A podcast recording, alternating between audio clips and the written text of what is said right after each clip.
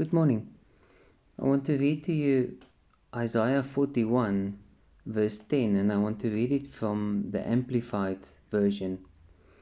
And it says, Do not fear anything, for I am with you. Do not be afraid, for I am your God. I will strengthen you. Be assured, I will help you. I will certainly take hold of you with my righteous hand a hand of justice, of power, of victory, of salvation. This is such a powerful verse, such a powerful scripture. God handles these things. God handles things that we bring to Him. We must just bring it to Him and leave it there. Some nights you lie awake and there's there's something that that eats you up from the inside. And that is fear. That is that is being afraid. And god says here do not fear anything for i am your god. God is with you. God is with you every day every step of the day day and night we just need to, to give whatever we're afraid of, give it to Him.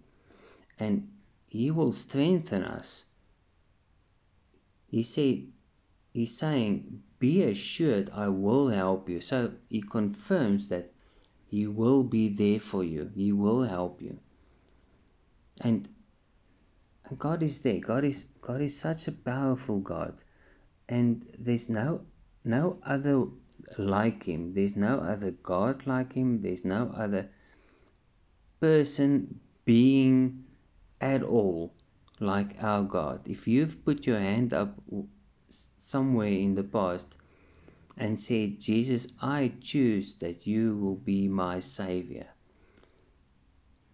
this is your God. Your God can do anything. We must just learn to leave it with Him and let Him handle it. And walk in faith. Don't be ashamed of who you are.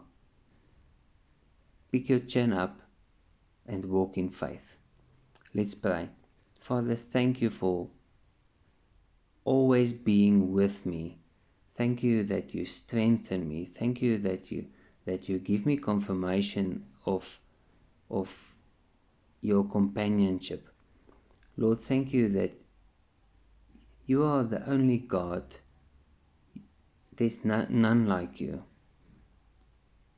Thank you for your amazing love.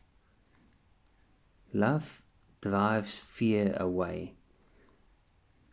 Come fill me with your love every day, day and night, so that I may be Jesus to people around me.